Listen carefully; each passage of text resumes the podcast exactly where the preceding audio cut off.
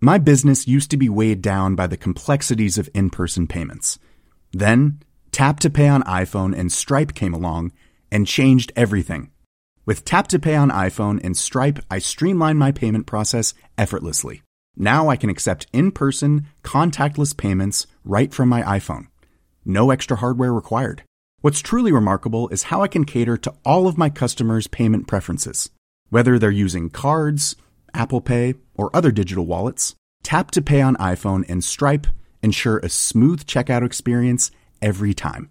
And it's not just me. Stripe helps businesses of all sizes, from local markets to global retailers, scale quickly and stay agile. To learn how Tap to Pay on iPhone and Stripe can help grow your revenue and reach, visit stripe.com slash tap iPhone. Hans Petter og Co. presenteres av Adlink, sannsynligvis Norges beste samling av kreative og positive influensere innen sosiale medier og podkast. Gå inn på adlink.no for å finne frem til den influenseren eller den podkasten som er en perfekt match til din merkevare og publikum nå.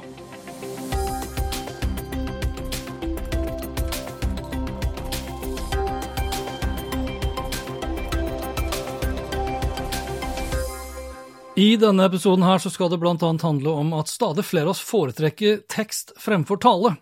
Google vil begynne å rangere nettsider basert på opplevelsene våre, og utfluensere er visst de nye influenserne.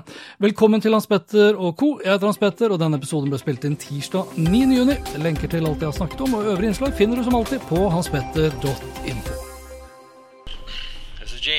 This is Gene. Hi, Gene. It's Steve from Synthesource Software. How are you? Uh, we're the worldwide I'm leader. fine. Good, good. Love to describe our new platform and get you onboarded. You know, it's a great opportunity. for Okay. I got 30 seconds. Go ahead. Okay. Well, basically, it's a drag and drop. Why don't I get back to you? Um, you can leave me your number. Perfect. Okay. It's two one two. Uh, I 2014 så skrev jeg artikkelen Ikke ring uten at du har tekstet meg først. Og det rådet her ser ikke ut til å ha endret seg siden den gang, tvert imot. For det er mye som tyder på at stadig flere av oss misliker å bli overrumpla av en uanmeldt telefonsamtale. En uanmeldt telefonsamtale som gjerne forstyrrer, irriterer, og som ofte også oppleves av mange som påtrengende, invaderende og rett og slett uhøflig. Athea sin kommunikasjonsdirektør Christian Brostad spør avslutningsvis gjestene sine i podkasten Teknologi og mennesker om de foretrekker å snakke i telefon eller sende meldinger.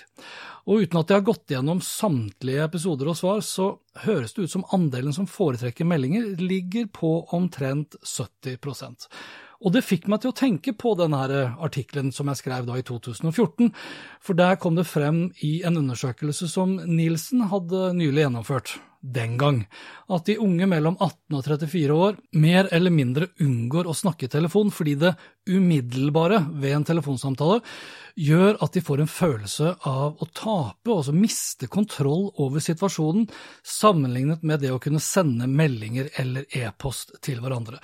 Og det her har åpenbart ikke endret seg siden 2014, og det ser også ut til å spre seg som en oppfattelse også blant oss eldre. Og Derfor stilte jeg det samme spørsmålet på Facebook, Twitter, LinkedIn og Instagram for kort tid siden. Også hva foretrekker du hvis du må velge mellom det å snakke i telefon eller sende meldinger? Og nå skal ikke jeg på noen som helst måte hevde at uh, svarene jeg fikk tilbake er representativt for landet eller for en geografi eller for en demografi. Ikke i det hele tatt.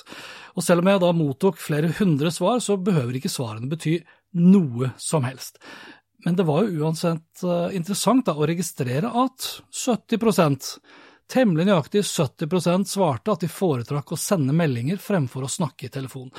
Andelen som foretrakk å snakke i telefon var størst på LinkedIn, og det er kanskje ikke så overraskende det egentlig, for LinkedIn domineres jo av selgere og da selgere som gjerne lever av å snakke i telefonen, som lever av å ringe oss for å selge oss et eller annet. Og andelen som svarte eh, at de foretrakk å bruke telefonen til å snakke i på LinkedIn, det var altså da 41% så det var fortsatt ikke en majoritet.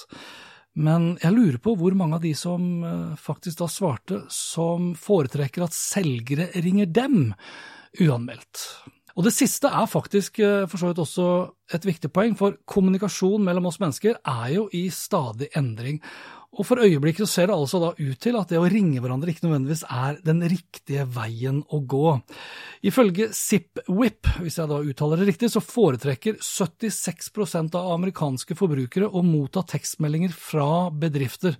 ZipWhip kunne også vise til at nesten åtte av ti kunder har til en viss grad angst for å snakke i telefon. Hvor stor andel som har angst her i Norge, det vet jeg ikke, men jeg tror ikke amerikanerne nødvendigvis er alene. I 2019 så publiserte KK, altså Kvinner og klær, syv gode råd for deg som sliter med telefonskrekk hvor psykologspesialist Ingrid Sønsteby relaterte årsaken til at de aller, aller fleste av oss har en viss sosial engstelse, og at mange synes det er lettere å snakke ansikt til ansikt, og at vi har en høyere terskel for å ringe nå fordi vi ofte bruker sosiale medier, e-post osv. for å meddele oss. Sønsteby mente i 2019 at engstelse for å snakke i telefon er et økende fenomen. Om det er åtte av ti, eller syv av ti, eller hvilken andel det måtte være, det vet jeg som sagt ikke, men at det er en økende andel tror jeg ikke det er noen tvil om. Det er derimot mange andre årsaker også til at den uanmeldte telefonsamtalen kanskje ikke er så smart å ta, og at det kanskje ikke bør komme som en overraskelse at det er så mange som ikke svarer når du ringer uanmeldt. For en av årsakene kan være at det rett og slett ikke passer. Altså for meg. For du som ringer, så passer jo det helt åpenbart, hvis ikke så hadde du ikke ringt. Men du kan jo ikke vite om jeg sitter i et møte, eller om jeg har en annen samtale med noen andre altså da ansikt til ansikt for eksempel, eller om jeg kanskje bare sitter konsentrert ned i en annen e-post, et dokument jeg må lese, eller en artikkel jeg holder på å skrive. Derfor har det også blitt mer og mer vanlig at vi har telefonen på lydløs når vi ikke vil bli forstyrret. Jeg har alltid for så vidt min telefon på lydløs. I tillegg så har jeg skrudd av mer eller mindre alle varslinger på samtlige av alle apper som jeg har installert på min smarttelefon. På min iPad så har jeg konsekvent ingen varslinger på, og jobber jeg med en viktig sak, eller jeg sitter og spiller inn en podkastepisode, ja, så skrur jeg også på ikke forstyrr-funksjonen på min Macbook Pro. Og misforstå meg rett, jeg liker å snakke, og jeg får av og til også høre at jeg snakker for mye i tillegg. Og jeg snakker også gjerne i telefon, selv om jeg foretrekker ansikt til ansikt, enten på ordentlig eller for eksempel via Whereby, Zoom, Teams osv. Derimot liker jeg veldig godt å vite hva det er jeg går til, altså den følelsen av å bli overrumpla av en samtale eller et spørsmål, for eksempel fra en journalist som jeg ikke har svaret på, ikke har tenkt på, eller ønsker tid til å kunne reflektere over før jeg responderer på. Der og da, ja, det vil jeg jo helst unngå. Og det er jo litt vanskelig når du først sitter i en telefonsamtale, for det er ingen angreknapp på en telefonsamtale. Det du sier, det kan du ikke ta tilbake. Altså, du kan selvsagt beklage overfor den andre part at du sa det du sa, men det er fortsatt sagt. I en melding så kan du begynne å skrive på en setning, og så ta det tilbake igjen. Du kan angre på det, og sånn sett redigere det før mottakeren har fått det med seg. Er du sint, så kan du eksempel skrive ned alt du vil si, men du kan vente til du har roa deg litt ned før du trykker på enter-knappen. I en telefonsamtale har du rett og slett mindre kontroll, i tillegg til hvor mye av kommunikasjonen som blir overlatt til kun stemme og tonefall. Veldig mye av kommunikasjonen er, som du vet, ikke-verbal. Og Derfor foretrekker jeg også å se på en telefonsamtale som et møte. Ikke for at det fikser på det ikke-verbale, men ser jeg på det som et møte, så kan jeg også forberede meg til det, på samme måte som jeg forbereder meg til et ansikt-til-ansikt-møte. En annen viktig grunn til at stadig flere av oss foretrekker meldinger fremfor samtaler, ja, det er jo at vi liker å få servert ting og tang på våre egne premisser i dag. Jeg venter for eksempel ikke lenger på at avisen skal dukke opp i postkassa mi, jeg leser nyheter når jeg vil, på den enheten jeg vil. Jeg ser ikke på nyheter på TV-kassa når NRK eller TV 2 finner det for godt å sende sine nyheter, jeg ser på nyheter når jeg vil, jeg ser på filmer og TV-serier når jeg vil, jeg hører på musikk når jeg vil, og jeg hører for så vidt også på radioprogrammer eller podkaster når jeg vil. Og Derfor vil jeg ha den samme friheten til å respondere også når jeg vil. I hvert fall så langt det lar seg gjøre. For stadig mer av hverdagen vår, enten om det er på jobb eller i fritiden, ja, den er on demand. Altså De mulighetene som teknologien har gitt oss, forplikter bedrifter i større grad å levere på, fordi vi forventer intet mindre. Telenor og Telia varsler nye SMS-rekorder hvert år, fordi vi stadig vekk sender flere meldinger. Samtidig så har antall taleminutter falt jevnt og trutt de ti siste årene på mobil, og de siste 20 årene på fasttelefon. Ja, det er faktisk noen som fortsatt har fasttelefon, selv om de blir færre for hvert år som går. I dag så kan jeg booke en legetime ved å sende en melding, men samtidig så må jeg ringe og stå unødvendig lenge i kø hvis jeg må booke om, eller f.eks. si ifra at jeg er forsinket fordi T-banen ikke gikk som den skulle. Jeg opplever stadig vekk at nettbutikker, til tross for at de har Facebook-sider og Instagram-kontoer og chatbox på nettsiden sin, ber meg om å ringe hvis det er viktig. Alternativt så må jeg pålage meg å vente kanskje 24 timer på å få svar. Og det er jo litt dumt da, hvis det stemmer at så mange som nesten 70% av oss misliker å prate i telefon. Og bare så det er sagt, skal jeg sende meldinger til en bedrift, ja, så forventer jeg i alle fall enn så lenge at det sitter ekte intelligens i andre enden, for chatboten er enn så lenge både dum og død. KK skrev som sagt i 2019 om syv gode råd for deg som sliter med telefonskrekk. Det er kanskje enda viktigere nå fremover at bedriftene der ute tar på alvor det faktum at stadig færre av oss liker å snakke i telefon, at stadig flere av oss hater uanmeldte telefonsamtaler. Bedrifter må i større grad se på hvordan de kan ta i bruk teknologi og meldingstjenester på en smartere og mer effektiv måte for å betjene oss som kunder på våre premisser og ikke på deres egne. Ifølge undersøkelsen fra Zipwhip så har de fleste amerikanske forbrukere mottatt meldinger fra bedrifter, og over 70% svarer at de gjerne vil motta flere. Samtidig øker andelen, som sagt, som hater å snakke i telefon, og som hater telefonselgere. Derfor er det ikke overraskende at telefonsalg ligger år etter år på klagetoppen til Forbrukertilsynet. Som sagt, jeg liker å snakke, men ikke på telefon. Og i alle fall ikke hvis samtalen ikke er avtalt på forhånd. Om litt så får du høre blant annet at jeg elsker Porterbuddy. Og du skal få høre litt om Google, som nå vil rangere nettsider basert på din og min opplevelse, og at de for så vidt legger til Google Meets automatisk i kalenderinvitasjoner. Og så skal du få høre at utfluenserne er de nye influenserne, men først det her. Hiring for your small business? If you're not looking for professionals on LinkedIn, you're looking in the wrong place. That's like looking for your car keys in a fish tank.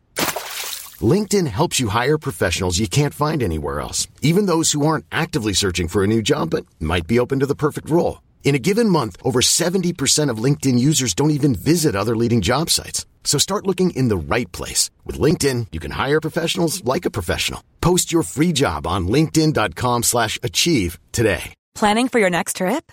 Elevate your travel style with Quince. Quince has all the jet-setting essentials you'll want for your next getaway, like European linen, premium luggage options, buttery soft Italian leather bags, and so much more. And is all priced at 50 to 80% less than similar brands. Plus, Quince only works with factories that use safe and ethical manufacturing practices. Pack your bags with high-quality essentials you'll be wearing for vacations to come with Quince. Go to quince.com slash pack for free shipping and 365-day returns. Fra tid til annen så har jeg slengt litt dritt eller ranta litt om diverse leveransetjenester. Altså Post Nord har fått så hatten passer eh, titt og ofte, og jeg har vel ikke blitt helt overbevist heller om at Svosj kommer til å bli en Amazon-killer. Posten har også fått et par ballespark av meg, spesielt når postbudet hevder at de har vært innom meg for å levere en pakke, men at ikke de gjorde det fordi jeg ikke var hjemme mens jeg da satt hjemme og jobba. Mon tro om det har blitt færre av disse løgnene i disse koronatider? Vel, nok om det. Skryt har også blitt, og skryt er viktig når det er riktig.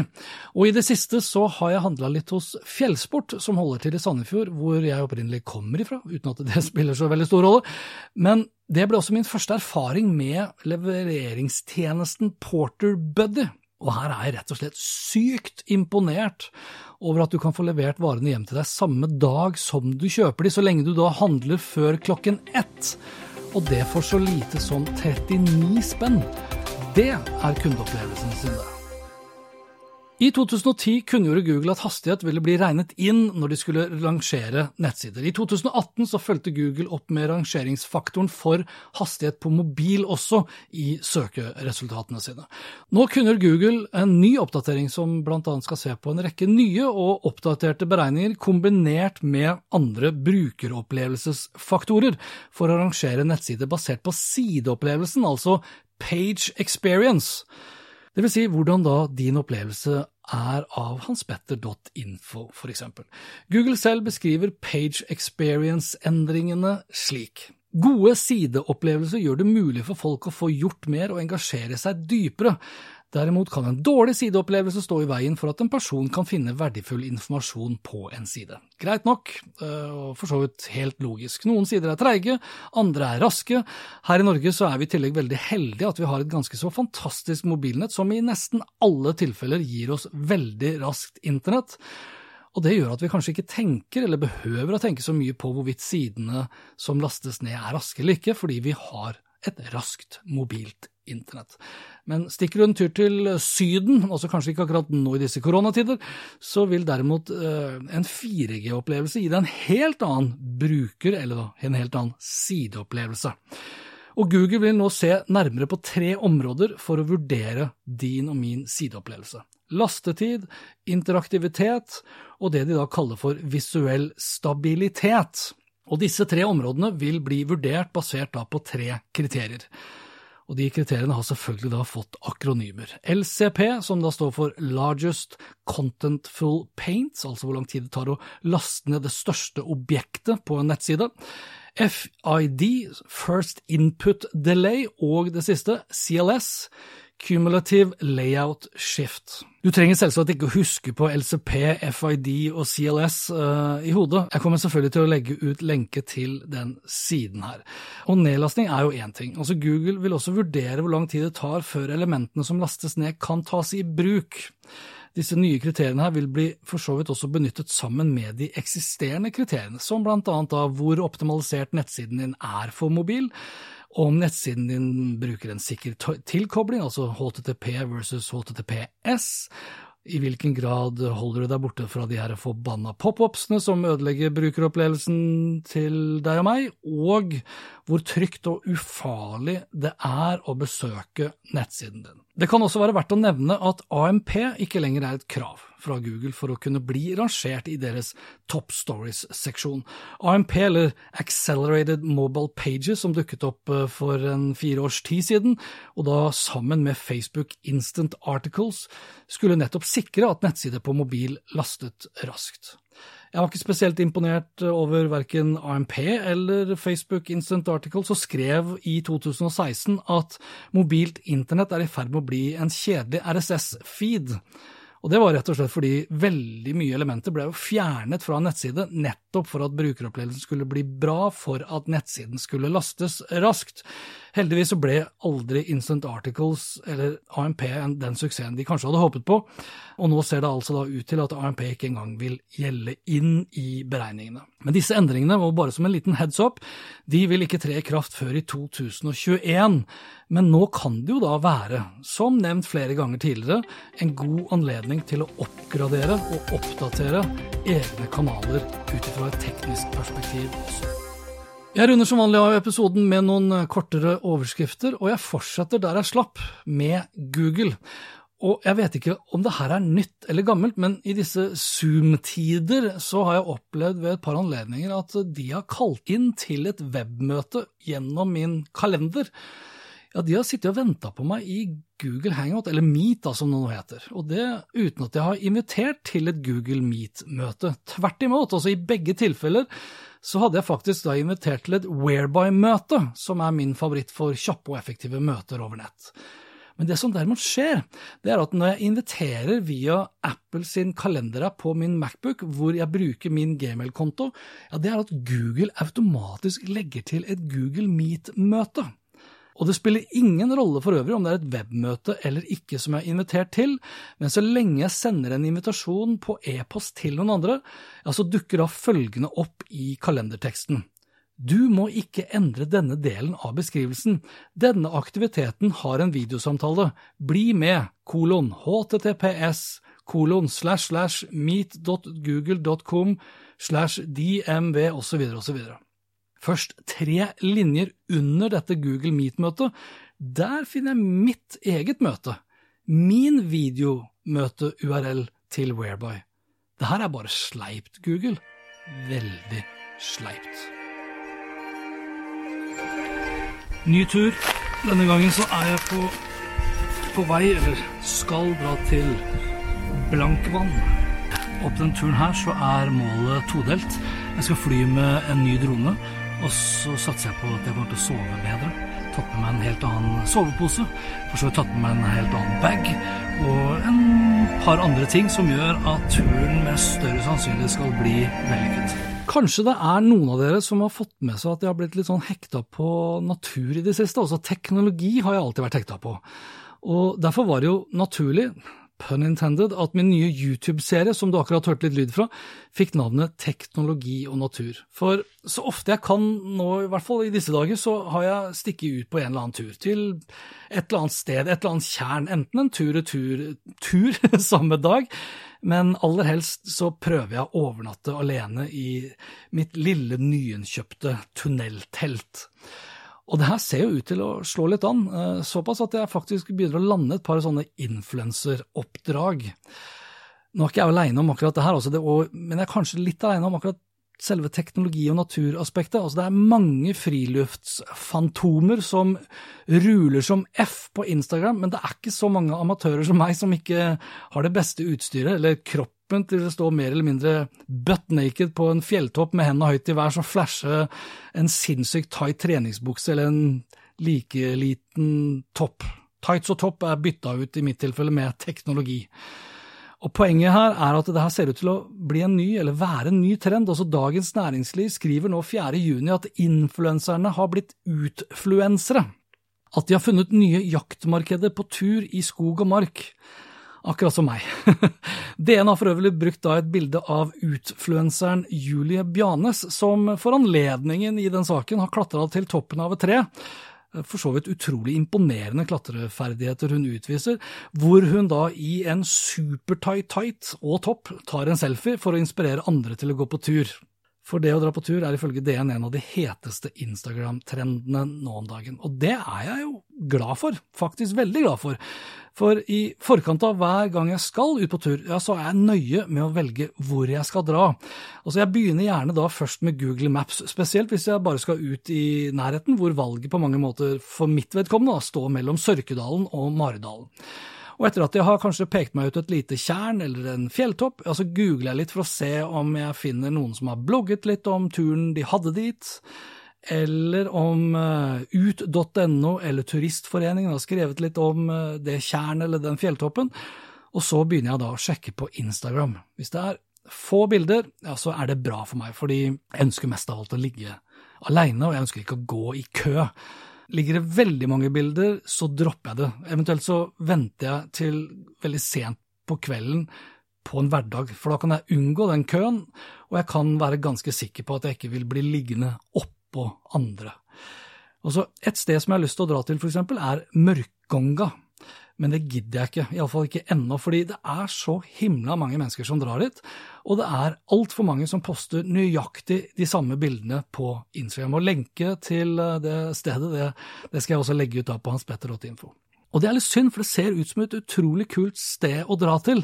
Og det kan jo være at jeg også drar dit, men jeg kommer nok til å vente til kanskje ut i august, da, august-september. Dra opp et par timer før sola går ned, og så hjem igjen til lunsj eh, dagen etter. Uansett, altså tilbake til utfluenserne som et uh, fenomen eller en trend. Elisa Røtterud er en annen utfluenser som uttaler seg i DN-saken, og hun hadde jeg jo gleden av å snakke med for ikke så altfor lenge siden her på podkasten. Og Hun sier da i DN-artikkelen at det finnes fire kategorier turinfluensere, eller da utfluensere. Den ene kategorien er de såkalte KOS-entusiastene, som drar da på nærtur i hengekøye. Den eh, andre kategorien er posørene i tights, aka Julie Bjanes. Den tredje er Gapahuk-gjengen som lager egen turmat, og den fjerde er Tinderanglerne som da vil gå på topptur, altså da Elisa Røtterød. Og så har du kanskje da den femte kategorien, meg, som da bruker teknologien som en unnskyldning for å komme seg på tur. Altså, jeg får jo her i pose og sekk så det holder. Jeg får meg en naturopplevelse, jeg får litt mosjon, jeg får frisk luft.